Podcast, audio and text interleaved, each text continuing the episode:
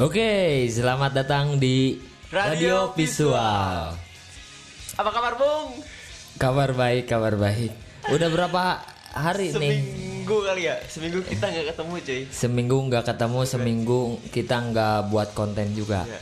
Terakhir itu ketemu pas hari Sabtu kemarin ya. Iya, Sabtu kemarin. Yang kamu masih sibuk sama proyekan weddingan ya. Iya, eh, beberapa hari ke belakang lagi ada beberapa proyekan. Jadi belum bisa eh, bikin podcast juga menemani teman-teman. Jadi mohon maaf lah. Gak, gak- kayak masih lebaran aja. iya, ini beneran men. Ini masih terasa banget suasana lebarannya. Emang, Asli. walaupun gak ada kupat ya. Gak ada udah kupat. Udah udah habis semua. Rendang juga masih ada tapi udah kering. Amplop, amplop, amplop juga amplop. Ada amplop. Amplop masih ada tapi cuman isinya udah gak ada. Anjir. Gimana teman-teman? Apa kabar semuanya? Teman-teman radio visual. Kabar baik ya, Pastinya semoga baik ya. Dan sekarang lagi ini ya kita menyambut apa ya antara seneng dan nggak seneng juga sih ya. New normal ini loh. Oh, tentang new normal. Iya, maksudnya kan Covid ini kan belum selesai. Yap, betul. PSBB pun ada yang udah, ada yang belum gitu kan. Iya, iya, iya.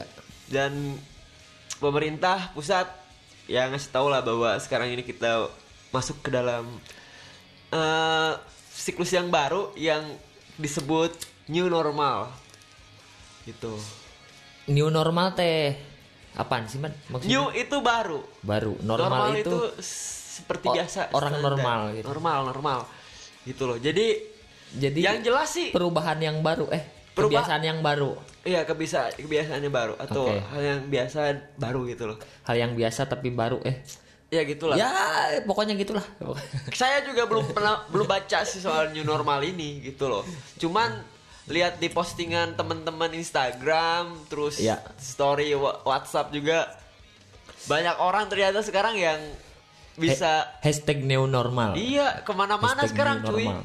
Jadi banyak orang yang main sekarang banyak kayak misalkan sekarang udah beberapa kedai kopi juga udah ini ya udah Udah udah ini. udah pada buka. tapi tetap eh, pakai protokol yang ada gitu kan Iya.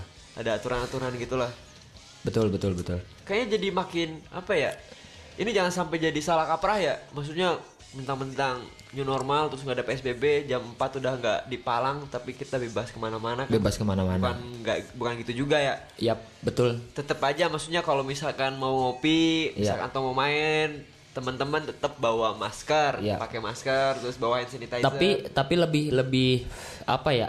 Kalau menurut pribadi saya, kalau sekiranya kita nggak penting-penting amat nggak usah lah ya. ya kita harus harus mikir kayak gitu juga ya Har- Harus mikir kayak gitu juga. Tapi bukan berarti kita har emang harus di rumah aja. Tapi pasti kita kan merasa jenuh atau apa pun itulah. Ya, ya sebenarnya sih new normal ini kayaknya kalau misalkan saya ya udah udah kerja di kantoran gitu, Hmm. Ngerasanya emang new normal ini kayaknya efek dari ini loh, efek dari ekonomi kita ya kemarin-kemarin ya Eh yang emang bener-bener drop banget. drop ya. banget gitu, sampai nggak nggak ada pertumbuhan. Hmm. Ya mungkin dengan new normal ini semua bisa kembali seperti sedia kala. Sedia kala lah. Walaupun ya kata apa sih menteri Menteri Perhubungan. Enggak, bukan.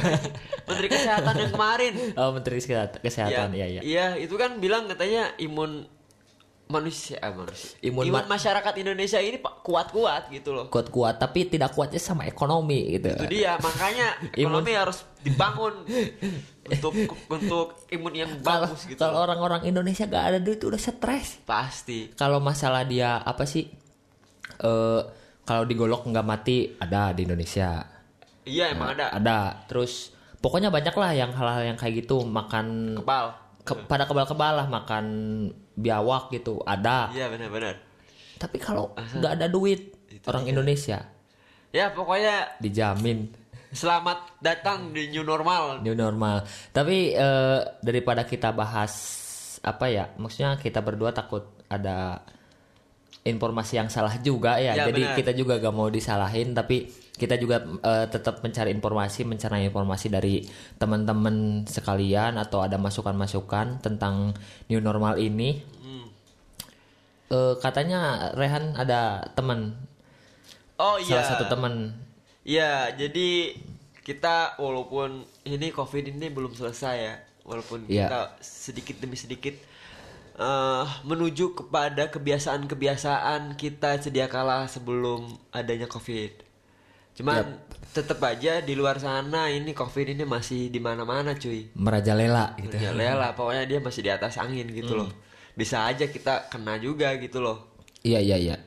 Makanya Betul. sekarang episode sekarang ini radio visual mau ngundang nih salah satu temen temen saya sebenarnya temen SMA dulu Bi. Oh, orang kuningan juga. orang kuningan dia rumahnya di Babatan nggak tahu kalau misalkan rumahnya itu sekarang udah dijual atau enggak dulu sih di sana di Iya, Babatan sempet main ikannya banyak ikannya Ikan. apa nggak usah dibahas ikannya Ini mah bukan bahasan ikan. Oh ya. Nah, jadi dia itu sekarang singkatnya adalah dia sekarang jadi relawan Relawan. di Wisma Atlet. Relawan ikan. Bukan. Oh, bukan. Tadi kan bahas ikan soalnya. Itu gak usah dibahas lagi kan, mah. Oh, gak usah skip berarti. Jadi Skip. dia itu relawan yang oke kita sebut mungkin itu perawat di di sana di Wisma Atlet gitu loh. Oke, Itu Wisma kan Atlet. Rumah sakit yang Wisma Atlet tuh tempat lari apa? Tempat gym? itu tempat atlet sebenarnya, cuman dipakai buat eh, apa ya? Disebut rumah sakit darurat untuk COVID-19. Soalnya kalau misalkan ada yang terkena Covid, dibawa itu sambil lari. Bisa jadi, Jadi makanya disebut Wisma Atlet. tapi lebih jelasnya mungkin kita akan ngobrol sama dia gitu. Oke, kita langsung telepon aja, Mad. Boleh. Sebentar. Jangan jangan banyak inilah. Kita terlalu banyak sambil cincong. sambil nunggu teman-teman di radio visual apa selamanya normal udah ke mana aja nih? Udah main ke mana aja? Apa belum keluar sama sekali atau atau udah keluar sekali doang atau gimana? Pokoknya pupujo ini mah ya kalian yang keluar bawa hand sanitizer. Halo, selamat malam. Assalamualaikum. Waalaikumsalam warahmatullahi wabarakatuh. Halo, selamat datang. Oke, Fahrul. Apa kabar Fahrul? Halo. Alhamdulillah baik-baik saja Rehan. Gimana kabar di sana? Wah, kabarnya di sana kabar yang mana nih? Kabar saya sendiri atau kabar kuningan secara luas ini? Ya kabar Rehan sendiri.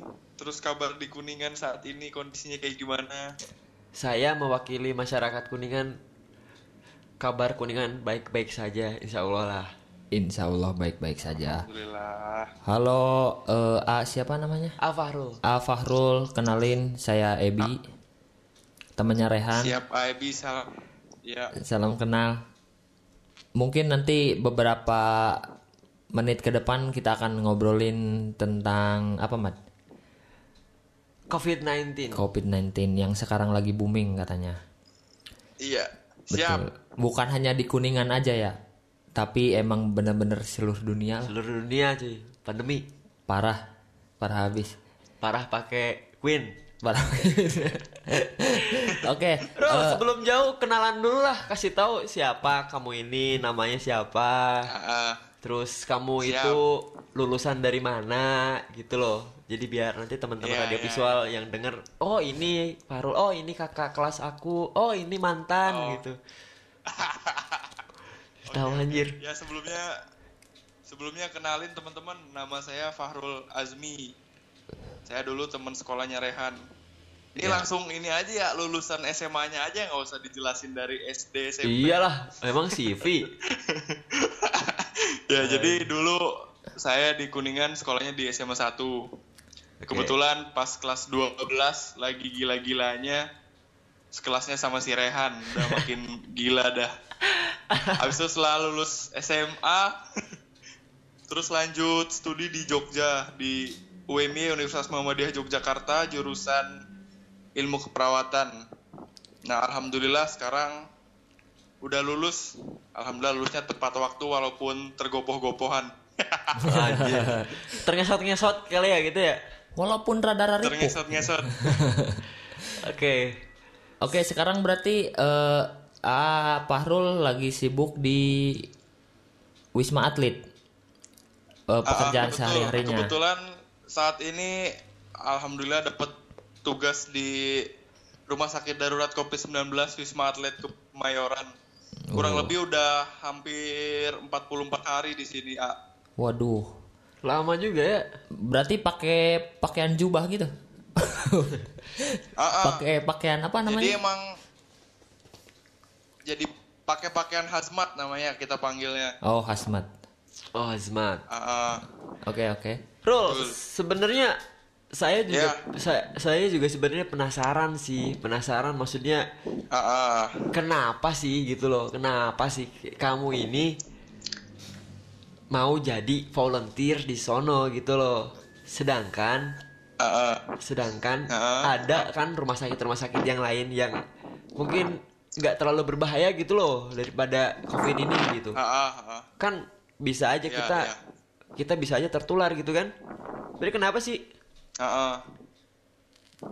Ya, jadi emang awalnya ya, karena memang pandemi ini kan emang dari awal, dari prediksi dari awal kan sudah banyak yang memprediksi bahwa ini akan datang bulan apa, bulan apa. Tapi kan kita tahu sendiri di sini sepertinya untuk tindakan preventifnya kurang. Jadi eh, apa pandemi ini tiba-tiba datang aja gitu di Indonesia kan tanpa persiapan apa pun dari beberapa pihak yang emang punya apa punya kewajiban untuk menghandle itu semua tapi pada akhirnya ya udah terjadi seperti ini gitu kan. Nah awal mulanya kenapa eh, saya buat milih jadi volunteer di Wisma Atlet? Jadi memang sebenarnya ini keresahan hati aja sih. Jadi memang sebenarnya sebelum eh, apa sebelum nyampe ke Wisma Atlet ini memutuskan buat jadi relawan, emang sebenarnya ada rencana buat melanjutkan studi, buat ngambil spesialis bedah kan. Ya. nah harusnya itu eh masuk di bulan April. Nah tapi ternyata karena pandemi ini, jadi semua ris- semua jadwal eh, sekolah itu di reschedule semua, jadi sampai saat ini tuh belum jelas kapan mulai. Nah dari situ, dari posisi kan itu di Jogja tuh Ya, masih di di Jogja awal berarti tahun ya. sampai ah. di awal tahun sampai bulan Februari itu masih di Jogja. Nah pas pandemi mulai booming juga, saya posisi masih di Jogja tuh masih bertahan di Jogja. Tapi lama kelamaan emang karena kerjaan di Jogja juga udah resign, terus nggak ada kegiatan. Jadi saya mu- memutuskan buat balik ke Kuningan. Ya. Ah, Oke. balik balik ke Kuningan. Di Kuningan itu Berapa lama kurang itu di lebih Kuningan? dua bulan Dua bulan. dua bulan lah dari uh, bulan Februari sampai Maret sampai Maret sampai April malah hampir tiga bulan lah hampir tiga bulan Heeh. jadi emang karena pemberitaan terus menerus kan tentang COVID ini makin hari makin nambah pasien makin nambah tapi tenaga kesehatannya minim banget nah nah Ya. dari situlah mulai kayaknya saya nggak nggak bisa nih kalau terus terus terusan diem di rumah Oke. Masalahnya kan saya merasa udah punya ada eh, kompetensi untuk itu kan. Saya juga sudah disumpah profesi. Ya. Pas-pasan baru disumpah profesi jadi kayak langsung tergerak aja nih sayanya Hmm. boleh diem aja harus buat sesuatu Ya. karena saya merasa punya kemampuan dan punya kompetensi di bidang itu gitu loh. Iya, iya benar Jadi benar. saya rasa saya harus terjun ke sana. Nah, masalahnya karena ini apa pandeminya baru, virusnya baru juga dan pemberitaan yang semakin menakutkan kan buat orang-orang yang awam. Jadi memang Iya. saya juga terkendala izin dari orang tua awalnya. Iya. Pasti Nah, orang tua juga sempet- ada rasa khawatir lah gitu ya. Pasti iya pasti khawatir banget ah bener karena saya juga buat izin itu sampai wah lama banget lama banget nggak dapet izin nah sampai pada akhirnya saya nekat Oke. nekat jadi saya daftar dulu daftar dulu jadi volunteer nah tapi saya nggak izin kalau saya daftar Oke. Oke, Ah. iya. kayak gitu. Nah, sampai pada akhirnya saya ada panggilan tuh. Jadi panggilannya itu emang bener-bener dadakan. Itu saya dikasih kabar tanggal 24. Tanggal 24 April. April. Nah, 24 April malam itu jam 10 saya dikabarin oleh Kemenkes sama orang Kemenkes Ya. ditelepon kalau besok harus sudah limanya itu. Nah, Oke. itu saya bingung kan karena saya belum dapat izin. Hmm. Oke. Ah, sampai ah semalam suntuk lah nggak bisa nggak bisa tidur itu kan hamin satu psbb juga kan Mhm, iya betul. saya juga mikirin transportnya gimana izinnya gimana nah, sampai subuh lah subuh baru izin sama orang tua kalau ada panggilan semalam dari Kemenkes terus orang tua sempet kaget juga loh kenapa kamu kok nekat gitu Hmm. Oke. Nah, mereka sempat khawatir juga tapi akhirnya saya kasih Edukasi lah ya. pengertian bahwa ya uh, uh, kasih pengertian bahwa ya emang ini kerjaannya harus kayak gini gitu loh konsekuensi kerjaannya. Iya iya. Nah sampai akhirnya mereka juga kaget kalau saya harus berangkat hari itu juga. Nah jadi pagi itu saya izin, nah jam 10 langsung ke Kertawangunan nyari bis. Iya. Uh, uh, karena kan semua kendaraan akses ke Jakarta pas tanggal 25 itu udah udah udah nggak ada semua kereta udah nggak ada travel Iya. nggak ada. Mhm, mhm, nah itu pun saya langsung ke Kertawangunan ke terminal. Tujuannya yang penting saya nyampe Jakarta dulu terserah naik bis apa aja yang penting nyampe Jakarta. Iya. terserah lah mau ke Jakarta mana yang penting saya nyampe Jakarta. Kalau udah di Jakarta kan gampang ya udah gitu. ditang ah, udah gampang. Udah tinggal kontak orang Kemenkes doang nah sampai pada akhirnya ya udah orang tua ngizinin. Malah ya ujung-ujungnya juga tetap dapat restu tetap dapat doa juga Ya sih. pastilah pasti Nah, pasti. sampai ah, ah, sampai pada akhirnya ya udah mutusin buat tanggal 25 berangkat dari Kuningan ke Jakarta tuh jam 10 bis jam 10 terus nyampe Jakarta sekitar jam 4 sore. Nah nyampe Jakarta juga pada akhirnya bingung juga harus pakai apa. Karena terakhir kali ke Jakarta kan udah lama banget. Hmm. Nah baru nyampe Jakarta lah. Akhirnya turun di Pasar Rebo. Nah dari Pasar Rebo baru mobilisasi ke tempat eh, adalah penampungan relawan di sini di salah satu hotel. Akhirnya nyampe juga. Oke. gitu sih singkat ceritanya. Eh, berarti hari mulai efektif eh, kerjanya itu besok harinya apa hari itu? Pas hari itu langsung disalurkan ke wisma atlet itu? Oh ya ya. Oke jadi pas tanggal 25 nyampe itu eh, jadi ada beberapa proses sebelum masuk ke wisma atlet kita harus medical check up dulu.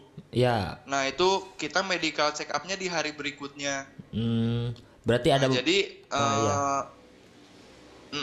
jadi eh, pas hari berikutnya kita langsung digeser ke wisma atlet buat eh, medical check up dulu. Itu satu hari kita medical check up nanti sorenya hasilnya keluar. Kalau misalnya lolos lolos medical check up berarti besoknya langsung ada surat SK penugasan. Oke. Terus itu di sana tuh se- di sana tuh volunteernya ada berapa sih Rul? nah kalau volunteernya itu eh, di sini nggak cuman medis aja sih. Jadi? Eh, sampai saat ini kalau gabungan non medis sama medis itu ada sekitar empat ribuan lah, waduh. Sekitar empat ribuan. 4000 itu mereka harus pakai hazmat semua tiap hari. Enggak, jadi emang di sini kan ada beberapa bagian-bagiannya kan. Kalau yang non medis itu urusannya bagian logistik, pengadaan Oke. barang dan lain-lain. Kalau yang medisnya itu sampai saat ini ada sekitar 900-an lah, 900 perawat. Med dikat eh, sorry, dokter sorry. itu. Bentar bentar. Oh, berarti dikatakan medis itu 900 Ah, perawat dan dokter berarti ya. ah, ah, D- Dari ah, sekitar perawat dan dokter ada sekitar 900-an. Oke, kalau dari Kuningan volunteer di sana siapa lagi selain kamu Rul? Sejauh ini sampai saat ini kita sering ngumpul ada orang-orang perkumpulan orang Sunda lah di sini. Iya, iya. Cuman saya doang sih Han yang dari Kuningan. Dan dari Kuningan cuman Parul doang. Ah, ah, Faru sendiri doang. keren keren keren Anjir. semoga teman-teman yang ada di kuningan juga yang emang mungkin satu jurusan ya atau eh, apa pun itu bisa tercurah lah hatinya untuk membantu masyarakat-masyarakat yang terkena COVID-19 ya Iya, Terus bener-bener banget. Han. ini sebenarnya bi Apa? Parul ini dia terpanggil hatinya jadi volunteer itu gara-gara lagi SMA-nya aktif pramuka. aktif pramuka Bantara dia. Tep- tepuk pramuka dulu dong partner, partner sama Rehan pokoknya Bandara. Bantara emang rehat deh. Super banget ini dia. Bantara sejati lah. Eh, Jadi emang nggak bisa diem sih emang dari dulu ya Han ya. Jiwa sosialnya tinggi banget. jiwa sosialnya Susah. tinggi keren keren Susah. Iya. Jadi ada kesempatan ya udahlah berangkat aja. Ya, sikat ya pokoknya. Oke, Rul. Eh, balik lagi ke topik nih. Ah, ah. Kan kalau Ah. kan ini ya maksudnya COVID ini ada beberapa fase kan sampai sejauh ini ya kan dari awal dari awal Ah, kita Iya iya iya. eh, tentang physical distancing, terus mulai adanya karantina Iya. wilayah, terus ekstrimnya lagi ada PSBB ya kan, Ah. sampai sekarang new normal ya kan. Nah Iya, dari ah, ah. dari tiga tahap ini kita bicara pas posisinya Fahrul udah ada di Wisma gitu loh, itu angka Ah, ah. angka pasiennya makin hari tiap fase itu makin meningkat atau menurun sih sebenarnya? Ah. jadi memang tiga protokol yang sering dicanangkan ya sama terutama dari Kementerian Kesehatan sebagai otoritasnya yang bertanggung jawab atas semua ini ya, maksudnya dengan pengendalian ini. Jadi memang eh, protokol kait kayak jaga jarak, pakai masker kayak gitu-gitu emang eh, penting banget, penting banget Han, karena laju penambahan pasien sama pengurangan pasien itu memang tergantung dari tiga protokol itu. Oke, Iya. Nah, Hmm. Jadi uh, jadi selama ini memang untuk penambahan dan pengurangan pasien itu ibaratnya gini kalau di Wisma 50 banding 50. Jadi yang sembuh 50 ada yang masuk lagi 50. Oke. Gitu. Buset, buset, buset. Uh, jadi uh, jadi memang kenapa angkanya terus bertambah ya itu tadi. Sebenarnya kalau secara teori karena memang virus ini sebenarnya cuman bisa bertahan dua minggu. Nah, jadi kalau misalnya emang bener-bener karantina wilayah, protokol kesehatan semua dijalani, ya paling paling enggak dua minggu atau paling lama 30 hari itu bisa dikendalikan sebenarnya. Oke. Tapi karena memang eh, banyak banyak kebijakan yang selalu berubah-ubah, jadi memang faktanya di lapangan memang ya kayak gitu. Ibaratnya sembuh 50 masuk 50 Iya. gitu. Jadi memang bertahan di angka segitu aja pasiennya. Berarti ter- tergantung dari ma- tergantung dari kesadarannya masing-masing juga ya. Ah, bener ah, bener banget. Emang kesadaran dari masing-masingnya harus kayak gimana emang protokol itu yang harus paten harus dilakuin sih karena udah nggak ada mau ngendalin obat, vaksin juga sampai sekarang belum ada. Belum ada. Katanya juga Cuman saya itu doang. pernah pernah baca-baca juga di internet kalau kalau apa sih Ah. vaksin itu kan emang bukan misalkan ad- sekarang ada yang nyiptain gitu ya. Udah ada misalkan taruh eh, vaksin buat COVID-19 gitu. Itu kan harus Ah, di, diujinya emang bertahun-tahun ya, enggak enggak langsung emang bener-bener langsung diterapin gitu. Iya. Mm. Jadi bakalan susah juga kalau Nah, misalkan itu umpamanya ada yang ada itu vaksin di- sekarang sampai gitu. saat ini kan memang obatnya. Iya iya benar. Berarti eh, sekarang ada Jadi memang apa? Mm-mm. Gimana? Jadi sekarang ada berapa ribu pasien yang ada di ini? Berapa persen lah? Berapa persen kalau no- angka kan? Oh, heeh. Ada Jadi berapa kalau persen? misalnya total ada berapa ya? Mm-mm. Jadi emang kalau totalnya pasien saat ini di Wisma Atlet sendiri di atas 500 sih, masih di atas segituan. Oke. Tapi itu tapi itu campur ada yang positif, ada juga yang ODP PDP. Oke. Oh jadi status ODP juga di Wisma Atlet ya? Di Wisma Atlet di perawatannya. Oke. Nah, Kan jadi kalau yang pasiennya udah positif swab, Oke. itu kita taruh di lantai paling atas, Hmm. oh gitu. yang ODP berarti di bawah. Mm-mm. Di bawah, jadi kita kan pakai pakai satu tower di sini Ya. ada 32 lantai, dimulai dari lantai bawah itu IGD, terus lantai 1 sampai 12-an itu buat PDP ODP, terus ke atasnya positif. Oke. Berarti Nah, jadi Oh. kita pisah. ap- apa Rul berarti tiap hari Naik lift. naik maksudnya ada, ada nggak sih ra- ra- eh, rasa ketakutan gitu maksudnya misalkan itu orang depan kita yang lagi positif loh Positif, gitu anjir. lagi ke topik ada nggak sih rasa ketakutan eh, apa Rul ngadepin yang positif atau yang kalau yang PDP ODP kan masih maksudnya masih belum jelas juga ya. Tapi yang ini yang positif gitu. Maksudnya hampir tiap hari juga ngadepin yang kayak gitu-gitu. Ada nggak sih rasa ketakutan? Iya. Hmm, siap. Iya, jadi emang rasa takut itu ada ah. tiap kita naik ke lantai perawatan juga rasa takut itu tetap ada. Tapi yang membuat eh, kita selalu pegang di sini itu karena kita memang di sini apa menanganinya pasien yang COVID khusus COVID. Iya. Jadi memang sed- sedini mungkin kita udah proteksi semua tenaga kesehatan dari bawah.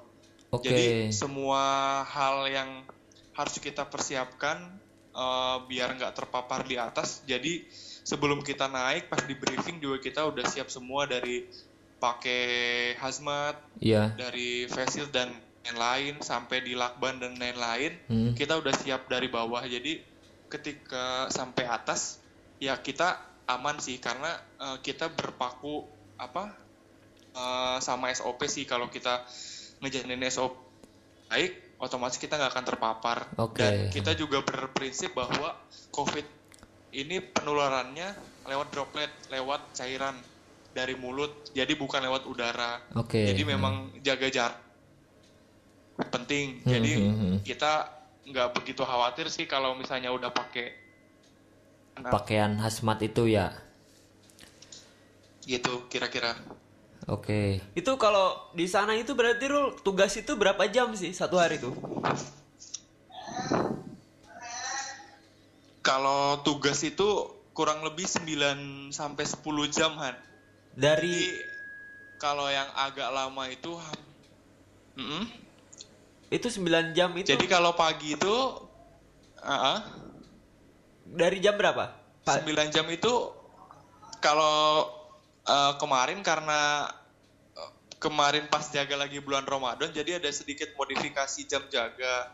Jadi kalau pagi itu kita shift pagi itu kita mulai dari jam setengah tiga sampai jam 11 siang. Oke. Terus yang shift siang itu dimulai dari jam 11 siang sampai jam 7 malam. Oke. Terus yang shift malamnya itu dari jam 7 malam sampai jam setengah tiga pagi. Oh berarti dibikin tiga shift berarti ya? Ah, ah, dibikin tiga shift pagi, siang, sama malam. Jadi kalau misalkan tiga shift. Oke, misalkan ya, misalkan kamu ditaruh di shift pagi dari jam setengah tiga Ah, ah. pagi sampai jam 11 siang. Setelah Ah, ah. setelah jam 11 siang itu kan udah beres dong shiftnya. Itu ngapain berarti? Beres. Ya kalau setelah beres, ya udah kita turun istirahat di kamar, paling makan, minum, sama istirahat itu aja sih. Karena di sini memang yang ditekankan istirahat cukup sih sama asupan vitamin. Jadi kita kerja 8 jam juga jeda waktunya tuh enak gitu pembagiannya. Jadi Iya. contoh misal abis dinas siang, abis dinas siang itu besoknya libur. Nah, lusanya itu kita masuknya malam. Jadi ada waktu panjang buat istirahat. Oke. Oh ah, iya ah. iya iya. Kita juga selain iya, itu kan tujuannya untuk jaga imun kita juga ya biar stabil juga. Ah, iya benar benar karena kan kita juga di sini oke kita nanganin pasien di sini tapi kan kita juga harus Jaga. tetap safety sama diri kita sendiri Iya, sama istirahat yang cukup sih itu yang paling penting. Karena 8 jam pakai hazmat itu bener-bener berat sih. Kira-kira berapa kilo itu baju itu? Gimana ah? Ki- Kira-kira berapa kilo itu bajunya? Kalau berapa kilonya sih nggak nyampe kilo-kiloan sih ringan, cuman beratnya itu karena pengap, Oh iya. terus panas, Mungkin kan kita pakai eh, karena nggak biasa juga mungkin ya kalau untuk awal-awal Ah. biasa kita pakai baju yang Ah, ringan terus tiba-tiba pakai baju gitu tiap hari buset PR juga gitu. Bener PR banget sih ya, karena kita juga di sini nggak cuman panas pakai hazmat itu, kita masker juga pakai dua lapis, pakai penutup kepala, otomatis Hmm. nafas juga susah. Kalau gerak-gerak juga mungkin agak sulit juga ya maksudnya nggak nggak bisa gerak bebas Ah. gitu agak risih gitu Iya, kita kan kalau betul betul. pakai pakai jas hujan aja udah risih apalagi pakai yang pakaian kayak gitu Ah, ah, bener banget. Emang pergerakannya emang terbatas banget sih karena bajunya juga kan ngepas, ngepas sama badan. Itu kok- Masker juga Hmm. Kalau kalau di ini kalau di layar kaca kan banyak banyak yang bilang nih tim medis itu kalau Ah. pakai hazmat itu kan masalahnya itu masalahnya kan banyak. Tapi yang memang dijadiin dijadiin masalah yang agak lucon itu kan kayak misalkan dia kan susah buat buang air ya kan? Itu yang benar ya Roy? Ah, ah.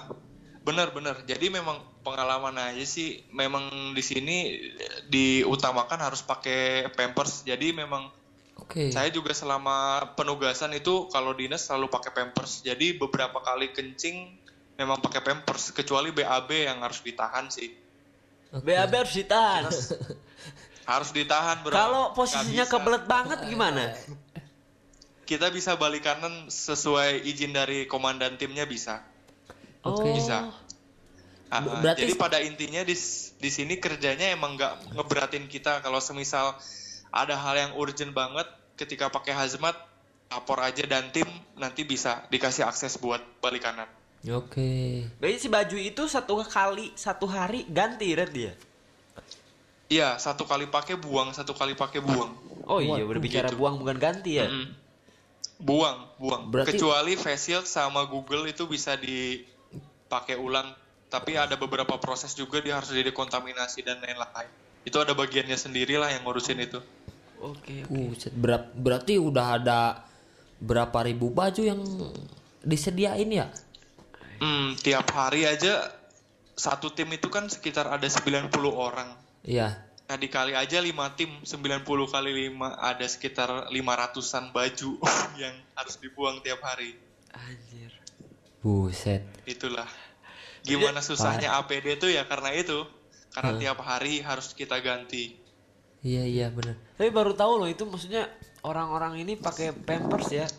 Sampai kaget. Ah, ah, pakai pampers. Wajib wajib. Itu- Wajib pakai pampers. Mereknya mau pok mau pokok.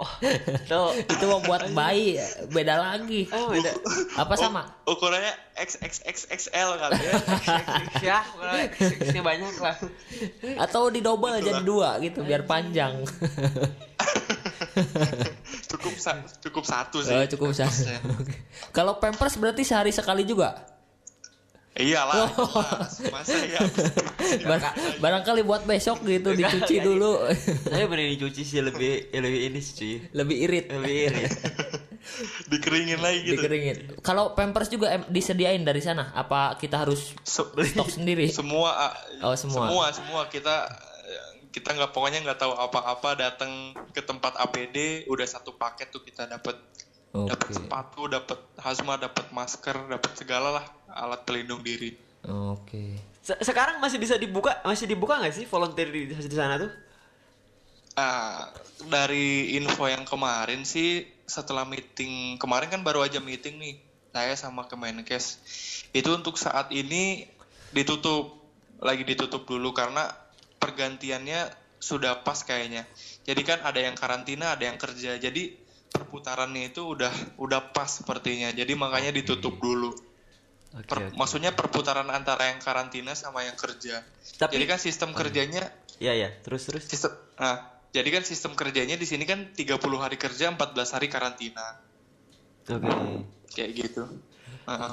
Kalau sejauh ini ada nggak sih orang-orang yang udah katakanlah udah volunteer gitu kan beberapa hari Ah. udah udah jadi ya merawat lah di sana terus ada nggak sih yang yang yang keluar gitu dengan alasan-alasan yang kayak misalkan ya gitulah mungkin banyak orang yang alasannya kan macam-macam gitu. Lah. ada nggak sih orang-orang yang keluar gitu?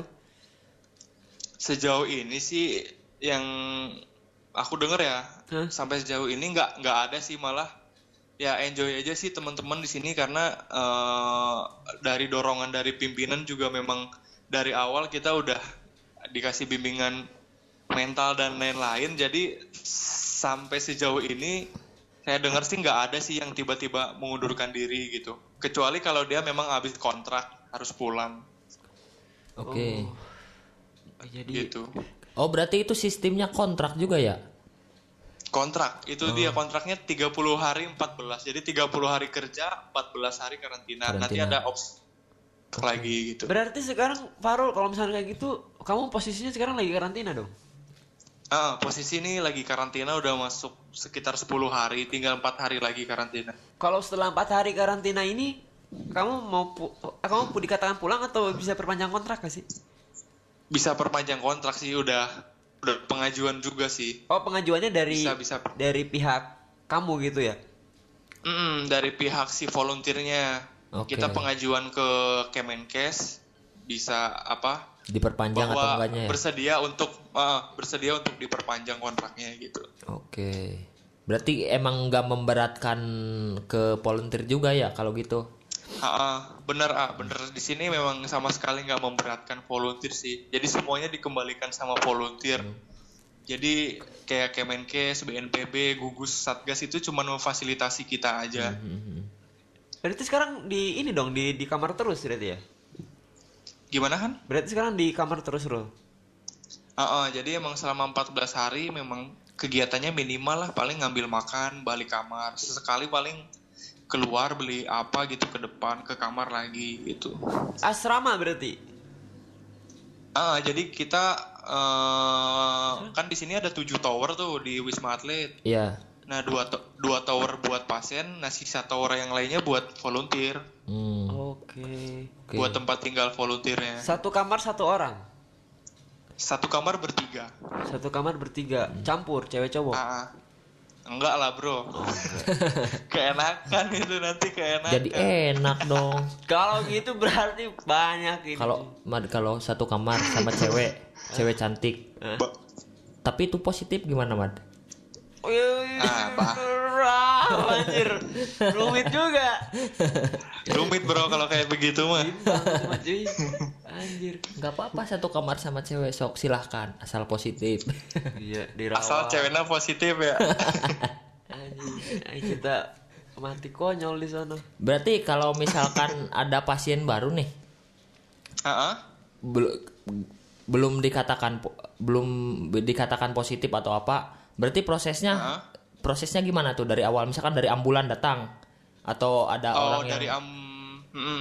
Jadi eh, kalau misalnya pasien belum dikatakan apa-apa ya, tapi Iya, dia sudah menunjukkan gejala misalnya, iya, ha. ya udah langsung datang aja ke Wisma Atlet lewat IGD nanti nanti di sana ada proses pemeriksaannya dari mulai hasil rapidnya kayak gimana, Hmm. terus tindakannya kayak gimana. Nah nanti kalau misalnya memang dari dokter sudah memprediksi bahwa ini ada gejala ke gejala COVID, Iya. Nah, langsung disarankan untuk eh, ini, langsung disaranin untuk eh, rawat inap di Wisma Atlet gitu. Oke. Itu berarti pasien orang tua eh, keluarganya nggak bisa jenguk ya? Nggak bisa sama sekali, nggak Pas- bisa. ta- tapi pasiennya Jadi- ada akses buat komunikasi sama keluarganya? Eh, iya, ada, ada, ada akses. ada Diperbolehkan akses. bawa handphone berarti ya? bawa bawa handphone. Kalau misalnya keluarga mau ngirim makanan atau apa bisa kita fasilitasi. Hmm. Ada satu pos buat khusus ngirim makanan ke buat pasien ada Oh. penampungannya. Oke. Itu di sana oke oke kita katakanlah eh, nggak usah ngomongin ODP lah, ngomongin positifnya ya orang-orang yang udah positif. Ah, Nah di sana itu kalau positif satu satu orang itu satu pasien satu kamar apa gimana? Ah, kalau misalnya katakanlah kan di sini kapasitas tiap kamarnya kalau yang pasien dua orang. Kalau misalnya dua-duanya positif kita satuin satu kamar. Oke. Ah, jadi karena dua-duanya memang dia ada masalah COVID, jadi kita satuin satu kamar. Nah tapi nanti kan satu minggu kemudian ada pemeriksaan swab. Iya, Nah, dari ah. dari dua orang ini kita tes swab. Kalau salah satunya ada yang negatif Hah? atau dia eh, masih menunggu hasil dan menunjukkan gejala klinis yang baik, baru kita pisahin. Hmm. Oh, udah kayak cupang Gitu. anjing. Cupang mau kawin. iya, gitu. harus Disatuin, dipisahin. harus dipisahin. biar nggak diadu. Biar gak diadu. Harusnya positif sama negatif cuy. Biar negatif. Jangan. lah ini gitu aja. Positif sama negatif jadinya negatif. Jadi Berarti harus disatuin kalau gitu. Jangan itu ngomongin rumus matematika jadinya. Dan Rul, sebenarnya di Kuningan ini kan ada ya kan rumah sakit darurat. Kebetulan deket deket rumah Rehan gitu. deket rumah Rehan. Iya di Iya di Ciharendo kan. Iya, kemarin-kemarin sih dulu pas awal-awal buka, jadi mereka juga Buka udah kayak toko aja buka. apa ya? ya cila pokoknya nggak itulah. Bisa dipergunakan. Ya, nah itu kan kemarin Ah, ada volunteer, ada pembukaan volunteer gitu, gitu loh. ah, ah, ah, ah, ah. Siapa tahu kan? Tapi nggak tahu sih saya juga udah Iya. lama nggak nggak nggak cross check lagi updatean di sana itu kayak gimana sekarang. Gitu. Ah, ah. Iya, sampai saat ini sih memang cuman denger-dengar kabar itu aja sih dibuka volunteer volunteer buat di sana, tapi nggak tahu kelanjutannya kayak gimana. Jadi ya saya mikirnya udahlah langsung aja ke pusat ke sini yang udah jelas. Iya bener. Ya udah, jadi langsung berangkat aja ke sini. Tapi untuk sejauh ini nih sampai dari awal sampai sekarang Ah, ah. Ada nggak perubahan Iya. perubahan yang lumayan menurun atau meningkat? Ya sekarang, ya sekarang gimana sih sebenarnya Rul, di sana? Oh ya, ha. jadi sampai saat ini sih karena kan saya udah 10 hari nggak naik ke atas ya ke Iya. tempat pasien. Saya cuman nanya-nanya kabar aja dari temen. Jadi Iya. alhamdulillah di minggu ini penurunan pasiennya begitu drastis sih alhamdulillah. Hmm. Jadi udah udah banyak pasien yang pulang. Tapi nggak tahu juga nih kalau misalnya udah uh, kegiatan di luar uh, dibuka lagi, nah, nggak tahu ke depannya kayak gimana. Tapi pada prinsipnya teman-teman di sini selalu siap sih. Dan kita sih tiap harinya juga pengennya selalu berusaha buat pasien gimana caranya pulang nih kita kasih perawatan yang bagus, kita kasih terapi Iya. yang bagus. Karena memang pasien-pasien di sini kalau lama lama perawatan udah bukan covidnya lagi yang mereka rasain tapi udah gejala psikisnya dia yang kena Iya, emang Gitu.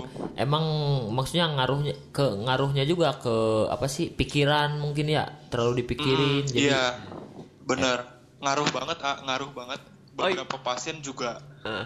ya beberapa pasien juga yang pernah saya tanganin ya kebanyakan ya yang stres karena itu dia dia lama harus karantina harus dites swab hasilnya positif lagi positif lagi itu kan tekanan buat dia gitu Iya, ha. Nah, di- ditambah lagi stigma stigma di masyarakat nanti ketika dia pulang jadi memang ada beberapa pasien yang saya temuin yang udah sembuh dia nggak mau pulang karena dia takut takut di rumah nggak diterima iya heeh. tanggapan masyarakat Iya, tetangganya atau gimana Sempet kan ya kemarin-kemarin kan COVID ini dijadikan aib gitu loh. hmm, hmm. Iya iya benar-benar. Bukan penyakit cuy, jadi malah aib. Jadi makanya orang-orang Iya. juga banyak orang-orang yang memang belum positif tapi dia kayak pas lagi dites bohong-bohong gitu loh, Iya, bohong gitu. Ah itu dia. Itu. Itu, dia. Itu kan jadi ah. bikin susah juga ya buat tim medis kan. Ah, ah, bener susah banget. Sekarang juga kan memang karena memang ah, inilah pentingnya sosialisasi kan dari kita masyarakat baiknya gimana gitu. Hmm. Jadi perlu ditekankan lagi memang buat COVID ini memang penularannya itu cuma lewat droplet atau lewat percikan dari mulutnya dia. Ah, Jadi bukan dari udara, ah, bukan dari kontak langsung. Ah, makanya disuruh pakai masker, jaga jarak. Nah, itulah. Karena penularannya lewat droplet itu tadi bukan lewat udara. Heeh. Biar nggak jemprot mad Ya, nyemprot. makanya mad kalau kalau ngobrol jangan nyemprot mad itu takut kemik takut kemik nanti saya bahaya, corona gitu Aman. Aman. Alon-alon ini juga biar nggak nyemprot gitu. alon-alon Gak boleh hujan lokal hujan lokal mencek orang kuning Rul, Rul, ad- ini lupa, lupa banget dari Ah, ah. dari dulu kan kita gagal terus ya buat bikin ini loh kita ngobrol. Ini ah. ada pertanyaan dari saya sendiri sih.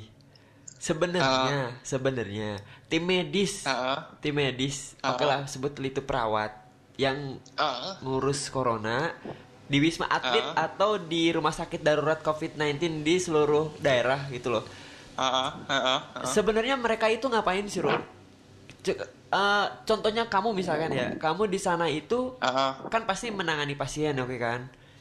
Nah, Ah, ah. Ah, ah. di- diapain gitu loh si pasiennya sama si perawat itu? atau Kalau dia- diajak mabar atau iya, gimana kalau misalkan ini kan kalau misalkan penyakit yang lain kayak misalkan apa gitu kan kayak disuntik kah Ah, misalkan dicek suhunya Ah. kah gitu kan itu kan memang udah Iya, penyakit penyakit yang memang sebelum sebelumnya udah ada gitu Nah kalau covid ini Ah. gimana sih Rul? Ya, jadi memang kalau COVID ini sendiri memang kan sampai saat ini belum ada obatnya ya. Ya. Ya. Jadi eh, dan pasien-pasien yang dirawat di Wisma Atlet itu pasien-pasien yang bisa memenuhi kebutuhan eh, ADL-nya atau activity daily living-nya sendiri. Jadi dia masih bisa berjalan sendiri, bisa ngambil makan sendiri, Ya. bisa ya beraktivitas kayak orang biasa. Jadi untuk penanganannya, jadi di sini kita hanya ngobati orang-orang yang kalau misalnya ada terapi obat ya, jadi Iya. kita hanya ngobatin penyakit penyertanya. Misal Oh. dia, Oke. misal dia eh, Jantung misalnya. positif, eh, misalnya dia positif corona, terus ada penyakit penyertanya seperti jantung. Iya. Nah kita obatin jantungnya dulu, kita obatin Oke. jantungnya dulu. Jadi untuk COVID-nya itu sendiri, itu kita pakainya ada obat, tapi itu bukan obat khusus buat nyembuhin COVID, tapi cuman mengurangi gejalanya aja Oke. atau mengurangi simptomnya doang. Hmm, hmm, hmm, hmm. Heeh. jadi kalaupun dia dikasih obat, itu kita ngobatin penyakit penyertanya biar si virusnya ini nggak semakin merajalela lah, karena kan yang diserang imunnya. Iya. Otomatis kalau dia stres, terus penyakit penyertanya nggak diobatin, Hmm. imunnya dia bakal makin turun. Iya. Pasti hasil swabnya dia bakal positif terus. Hmm. Berarti Gitu. eh, salah satunya obat buat imun tubuh kita juga ya yang yang itu maksudnya. Ah, ah, obat buat imun tubuh kita juga. Oke. Untuk COVID-nya sendiri yang terkhusus ya, Iya. itu cuman ngandelin vitamin C doang. Oh, Vitamin C. Ah, ah. jeruk C ya. doang. Jeruk. Eh, jeruk. Kasih jeruk doang. Jeruk. Ya ada mungkin ada beberapa obat lah, ada beberapa obat antivirus lain. Iya. Mungkin di tiap di tiap rumah sakit beda ya Iya. obat-obatnya. Heeh, heeh. Tapi memang itu buat obat antivirus, tapi itu hanya mengalami hanya mengurangi simptom atau mengurangi gejalanya aja, enggak enggak mengobati si COVID-nya secara langsung. Oke. Berarti di sana banyak ini ya, banyak dokter-dokter yang spesialis ya. Banyak banyak. Kita dokter spesialis, dokter umumnya banyak juga di sini. Banyak. Dan Jadi semuanya volunteer, semuanya volunteer. Berarti orang-orang yang dokter-dokter spesialis atau dokter-dokter umum itu ya dia sebenarnya menangani penyakit-penyakit yang dibawa oleh si pasien ya kan? Ah, ah, oleh si pasien. Kalau COVID-nya itu sendiri, kita konsentrasinya ke spesialis paru-paru. Karena kan memang COVID yang nyerang utamanya kan di bagian pernafasan. Iya, Jadi iya. itu eh, kompetensinya orang spesialis paru-paru. Jadi eh, buat dokter penanggung jawabnya yang mengizinkan dia pulang atau enggak, sembuh atau enggak itu spesialis paru-paru. Kayak kalau spesialis yang lainnya ya seperti biasalah buat ngobatin penyakit penyerta yang lainnya. Oke. heeh. Berarti di sana kamu ngecek su ngecek darah paling gitu ya? Heeh, selalu, selalu. Kita eh, nunggu advis atau kita selalu kolaborasi sih sama dokter. Misal kita, walaupun kita perawat, kita juga perlu ngeadvokasi pasien. Misal pasiennya udah baik-baik aja, tapi kok nggak dipulangin, hasil swabnya udah negatif. Nah, di situlah kita perawat ngeadvokasi pasiennya buat dikonsulin ke dokter spesialisnya bahwa ini udah layak pulang dok gitu. Heeh. Ngasih saran juga ya. heeh. Das Iya betul ngasih Sa- saran juga. sama aja dokter sama perawat juga sama-sama manusia. gitu. Barangkali Ah, iya, lupa benar, atau benar. gimana gitu. Benar. Kalau soal ininya sih Rul, satu pas satu volunteer itu satu perawat menangani berapa pasien sih? Jadi kalau di sini kita megangnya satu lantai. Jadi satu lantai itu sebutlah satu bangsa lah. Iya. Itu dipegang sama tiga, tiga perawat. Hmm. Sat- satu lantai itu berapa orang? Berapa pasien? Ku- kurang lebih ada sekitar 30 sampai 40-an pasien lah dipegang sama tiga perawat. Itu O- ODP. Semuanya, semuanya. Oh semuanya. Yang positif segitu, yang ODP segitu. eh, ODP segitu. eh. Oke. Jadi sekitaran 30 sampai 40-an lah. Lebih satu lantai itu. Oke. Banyak banyak mana nih? Kalau klasifikasi umur ya, yang pasien di sana Ah. itu lebih banyak usia berapa sih? Kalau klasifikasi umur memang di sini usia yang 40 ke atas sih kebanyakan. 40 ke atas ya. 40 tahun ke atas. Heeh. Tapi anak-anak ada. Karena kan memang anak-anak ada tapi ya itu tadi kalau anak-anak dia terpaparnya dari orang tuanya. Bahkan bayi pun ada di sini. Oh. Bayi ada. Ada 8 kemarin saya ngerawat pasien 18 bulan. Waduh, 18 bulan. Itu dia ODP. PDP apa? Dia awalnya awalnya positif. Dia terpapar dari ibunya sama kakeknya. Oke. Nah, jadi dia rawat gabung, rawat gabung sama orang tuanya. Mm. Tiga-tiganya positif. Nah, karena kan emang anak kecil autoimunnya lumayan Pasti. baik ya. Ah. Jadi dia pas 14 hari kita swab lagi, alhamdulillah negatif hasilnya. Tapi orang tuanya sama kakeknya masih positif, tapi dia tetap rawat gabung karena di rumahnya dia nggak bisa dirawat sama siapa-siapa. Jadi ya resiko terpaparnya tinggi lagi Iya, si anaknya benar-benar. itu. Oke, tadi tadi sorry sorry. Tadi rawat gabung Hah? itu maksudnya ketika ada yang terpapar satu keluarga, dia dirawatnya satu ruangan. Satu ruangan kita rawat gabung. Rawat gabung Oh, Kalau dia lebih dari tiga orang, kita pakai dua ruangan. Hmm, gitu. Oh, jadi nggak bisa di- nggak nggak dipisahin ya? nggak dipisah. Tapi kita by request juga sih sebenarnya kalau misalnya keluarga menghendaki pengen rawat gabung, kita siapin Bo- eh, buat rawat gabung. Walaupun Tapi kalau misalnya pengen, nah, Oke, walaupun satu keluarga itu beberapa status ya. Misalkan sebut ayahnya ayahnya positif, ibunya u- ibunya Ah. PDP, anaknya ODP, itu bisa Ah. disatukan. Itu kan beda Ah. status tuh. oh, oh, kalau kayak gitu nggak bisa, nggak bisa. Tetap harus dipisah. Oh. Kecuali kalau berangkat dari awal tiga-tiganya positif. Udah positif Kalau atau tiga-tiganya PDP, PDP, statusnya ya. itu baru rawat gabung bisa. Tapi kalau kasusnya kayak tadi ilustrasi dari Rehan itu nggak bisa kalau dirawat gabung, tetap harus dipisah. Berarti harus statusnya harus sama ya. Heeh, statusnya harus sama, statusnya harus sama. Terus ini Rul, kan awal-awal Covid ini kan Heeh. ada banyak ini ya literatur maksudnya eh kalau misalkan saya sakit atau saya mengalami gejala, Heeh. telepon aja ke call Aha. center. Telepon aja ke call center. Heeh, ya heeh. kan? Nah, Iya. kalau misalkan di sana nih di Wisma Atlet, saya juga baru tahu di sana Hmm. itu ternyata kan bukan pasien positif aja, di sana ada ODP juga kan. Ah, ah.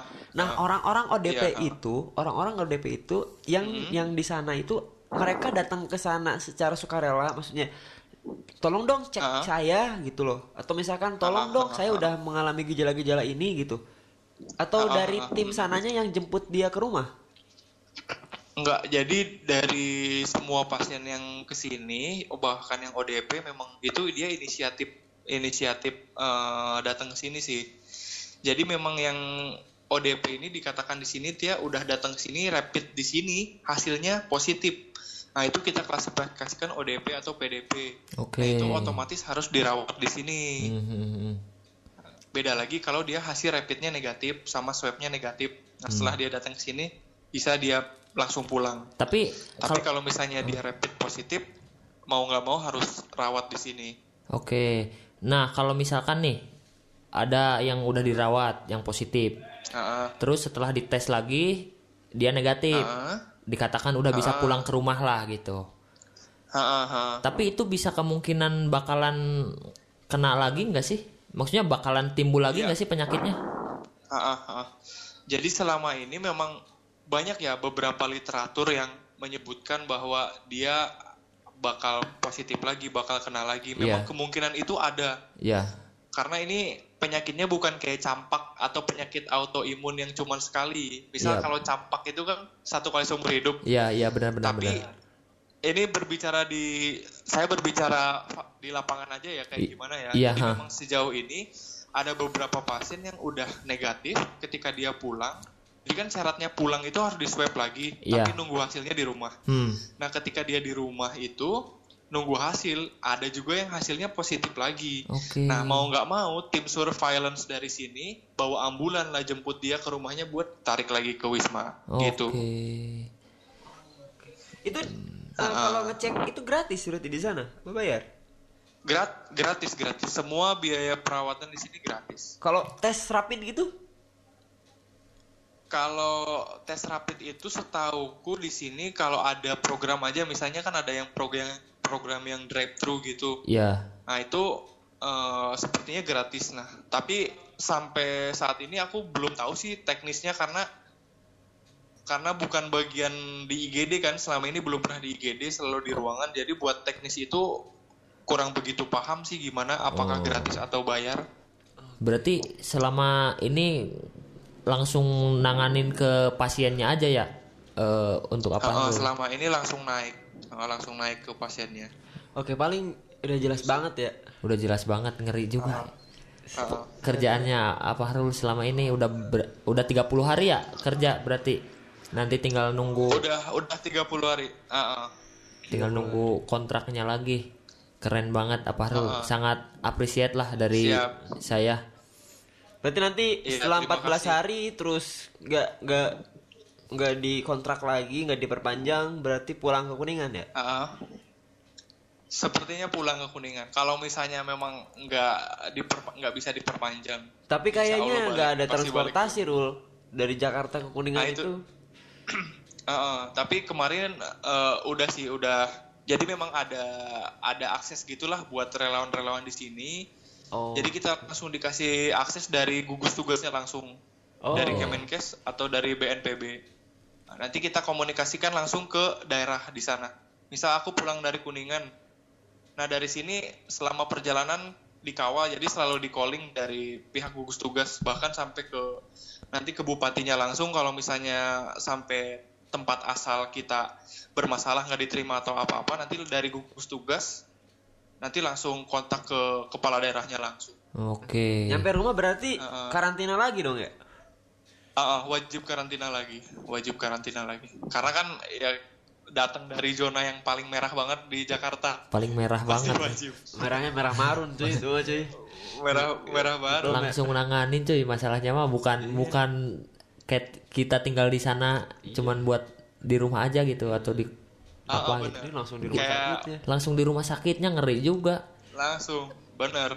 Oke, Karena orang-orang sini juga udah bilang sih kalau emang Wisma Atlet saat ini jadi tempat yang paling mengerikan di Jakarta sih emang tapi eh, untuk selama ini nih kan kemarin udah 30 hari tuh kerja Ah, ah, ah. udah 30 hari terus balik sekarang tinggal di kosan berarti atau Tetap tetap di Wisma. oh tetap di kita wisma kan ya beda beda tower jadi kita ada sekat antara tower buat eh, relawan sama pasien oke ha. ada sekatnya ada batas-batasnya Hmm, hmm, hmm. Oke, Rul, paling gitu aja ya. Udah jelas Ah, banget. siap Udah jelas Oke. banget ini. Ternyata wah nggak ini- kerasa juga udah satu jam kita ngobrol Iya, nanti kita udah Kok Nggak kerasa kira kan emang 20 menit ya? 25 menit perkiraan tapi ini kelebihan gak apa-apa lah Rul, paling ini terakhir mungkin ya Rul ya. Kan ya kamu juga tahu sekarang kan Indonesia ini eh udah masuk ke babak baru yaitu new- normal. Ah. Ah, ah, new normal. ah, Ya mungkin banyak banyak media atau misalkan orang-orang di luar sana yang ngasih tahu tentang new normal ini harus ngapain gitu kan. ah. Ah, ah, ah. Ya paling saya pengen pengen Fahrul kasih tahu nih ke teman-teman radio visual secara langsung gitu loh. Pertama kan ini kan pemuda kuningan satu-satunya yang ada di sana gitu. iya bener Coba Ah, ah, ah. pengen Iya, iya.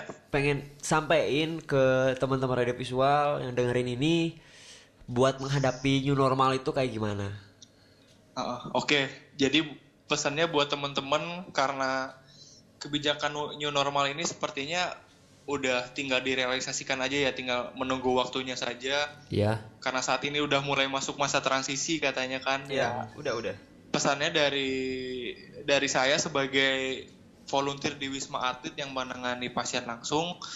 Jadi jangan menyepelekan lah protokol-protokol kesehatan yang udah baku, yang udah dicanangkan itu kalau misalnya memang new normal mau berhasil, memang semua protokol itu kayak jaga jarak, pakai masker, cuci tangan. Nah itu harus selalu dijalankan kalau memang new normal ini mau berhasil.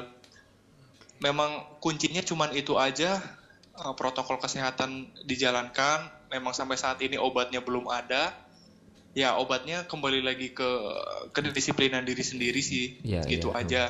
Sama eh, yang paling penting kalau misalnya ada pasien yang positif terus sembuh, dia ba- bakal kembali lagi ke masyarakat. Iya. Tolong stigma negatifnya dihilangkan. Begitupun dengan teman-teman tenaga kesehatan yang sampai saat ini memang stigmanya sungguh-sungguh luar biasa. Mhm. Jadi kami mohon semua masyarakat untuk ne- menerima kami kalau misalnya kami kembali lagi ke masyarakat. Oke. Jadi sekali lagi eh, COVID-19 ini bukan aib, bukan kesalahan satu orang, tapi memang ini harus kita selesaikan bareng-bareng. Gitu aja sih. Oke, keren. Itu ya itu. Ah, ah. Itu dia Ah, ah. dari Apa Rul sebagai volunteer di Wisma Atlet gitu. Iya. ada ini nggak? Ada salam-salam nggak ke mantan? Kamu Enggak lah, salam-salamnya buat teman-teman di Kuningan aja mungkin. Mantan? Ya, saya juga selama di buat man, mangtam mantan yang mana dulu nih ya. Mantan yang mana juga. nih?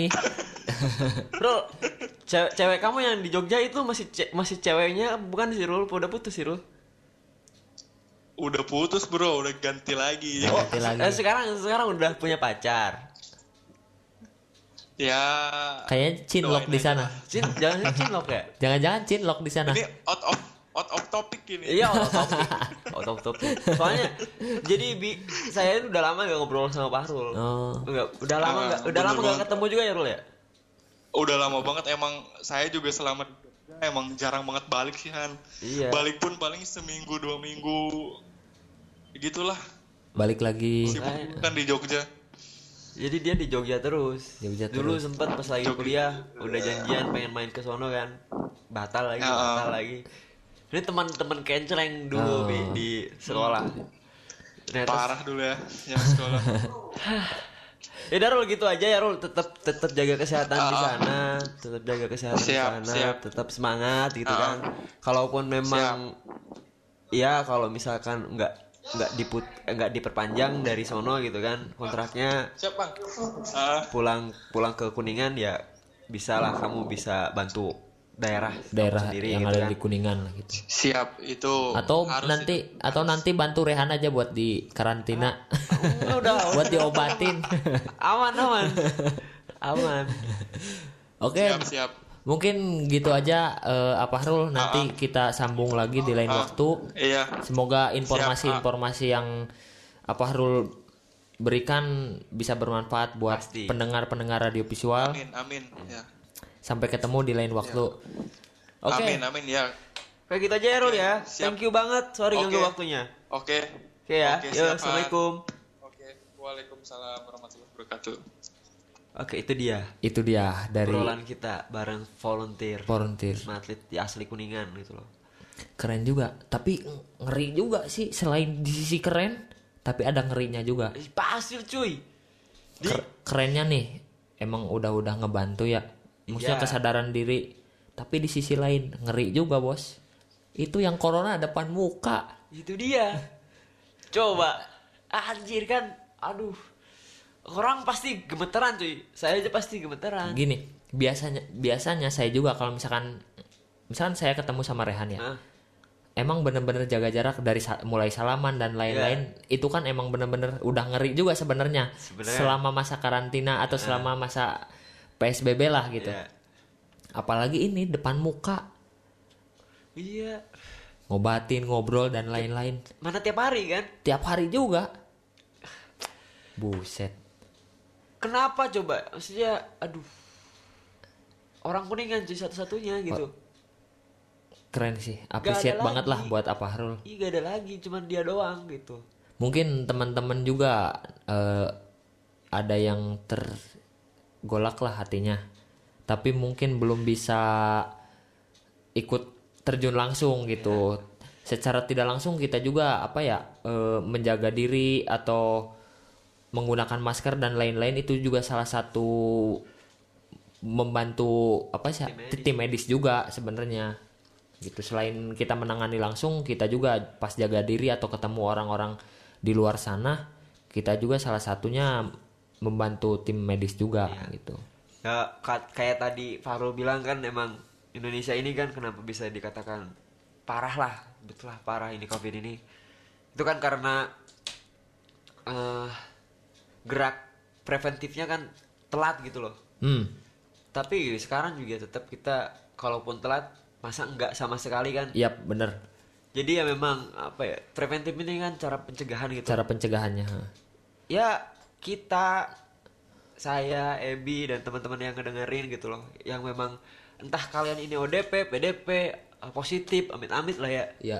Atau misalkan orang yang lagi masih dalam karantina ya tetap kita harus care gitu loh. Care bukan buat kita sendiri aja bukan buat keluarga kita sendiri tapi kan buat orang lain juga gitu. Orang-orang di masyarakat orang-orang yang kita kenal gitu. Saling ngingetin kayak misalkan kamu kalau misalkan main ada teman kamu yang nggak pakai masker, pakai masker ingetin. ingetin gitu kan. Bener-bener kalau misalkan kamu ada dua maskernya kasih satu. Hmm. yang udah dipakai tapi jangan lah. Tapi kemarin juga saya eh, ngelewat jalan Siliwangi tuh. Hmm. Dikira ada razia. Terus? Soalnya motor-motor kan pada diberhentiin. Ternyata itu bukan razia kayak razia motor dan lain-lain. Terus? Tapi eh, razianya yang nggak pakai masker gitu. Oh jadi yang nggak pakai masker itu ditilang sekarang? Bukan ditilang jadi dikasih edukasi lah gitu. Maksudnya kalau kamu nggak pakai masker eh, kena pidana dan lain-lain itu nggak tahu ya sebenarnya. Cuman kayak bagus juga sih jadi ngingetin lah gitu jadi biar nggak teledor juga kan masyarakat iya maksudnya kuningan atau di Indonesia lah umumnya. Orang-orangnya kadang pada nekat. Ya kan? Oke lah dulu kan masker ini bisa lah jadiin lu kenapa nggak pakai masker? Maskernya mahal bro. Maskernya langka bro.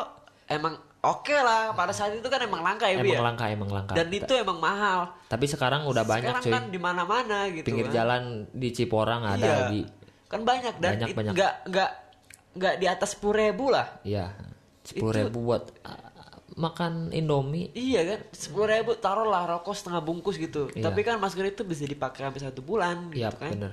Bisa Daripada ngurangin daripada juga. kita sakit Iya. kayak gitu ya, amit-amit. Sakit terus nularin ke yang lain kan yang PR juga. rugi kan diri kita sendiri, keluarga kita. Terus bikin beban juga buat medis ya. Iya. kan. Pemerintah juga pusing kalau misalnya gitu terus gitu. Jadi mohon partisipasinya lah buat teman-teman eh, untuk saling mengingatkan kalau misalkan mau keluar siap sedia hand sanitizer dan lain-lain lah. Pokoknya tetap jaga kondisi kalian juga, jangan sampai imunnya kita Drop lah ya. drop atau sampai inilah itu rentan untuk kena covid ya. Jangan kan covid bro. Panas Cuma- tiris. Ya paling gitu aja. Terakhir mungkin saya ngasih tahu bahwa new normal ini bukan akhir dari covid ya bro. sis. bukan. Bukan, bukan, Bukan. bukan akhir.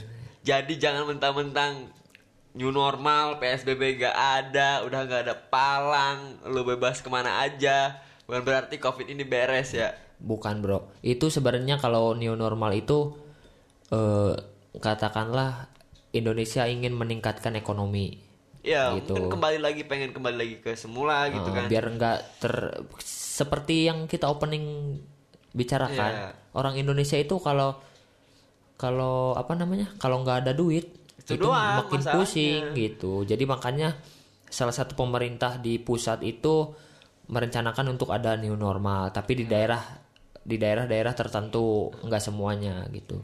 Ya walaupun memang keputusan pemerintah ini kan pro dan kontra ya kan. Iya. Ada orang yang memang kontra, bukan orang sih tapi komunitas atau misalnya golongan yang dia apa-apaan sih new normal gitu loh. Ada pasti lah sisi baik Pasti, buruk pasti. ya kan. Tapi kan memang pemerintah ini udah pasti Udah memikirkan, Memikirkan, gitu. ya kan? Maksudnya orang pemerintahan juga udah kasarnya lebih pintar dari kita lah gitu. ya, Jadi udah berdiskusi, udah rapat mungkin berkali-kali ya kan. Uh, udah di kayak udah di apa berarti? Dipertimbangkan lah. Dan akhirnya kan new normal ini diterapin gitu. Ya kita selaku masyarakat deh kan, ya kita harus dukung terus pemerintah biar ini sebenarnya adalah jalan lah jalan yang bagus yang bisa menekan tingkat tingkat Kesabaran. Bukan, anjir. tingkat pasien tingkat, pasien, penularan. Tingkat penularan. ya jadi kita harus support terus pemerintah kita harus support juga tim medis gitu.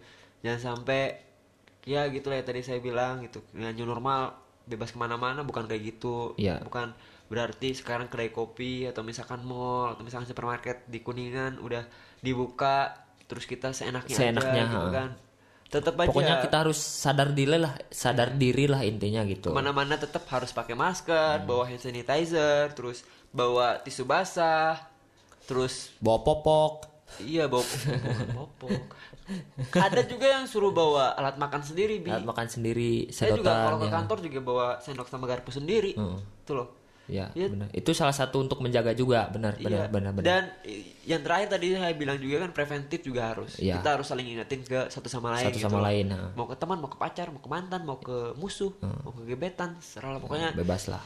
Ini adalah tanggung jawab kita semua, Hmm. bukan tanggung jawab pemerintah atau bukan tanggung jawab medis saja. Oke, mungkin cukup sekian ya Gitu obrolan tentang COVID-19 sama temennya Rehan yang ada di Fahrul Wisma Azmi. Atlet sama Afahrul. Kita akan sambung lagi di episode selanjutnya.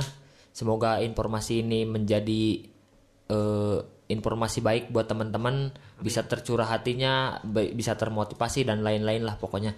Mungkin cukup sekian ya, Ya. di episode kali ini. Sampai jumpa di Episode selanjutnya. selanjutnya. Bye.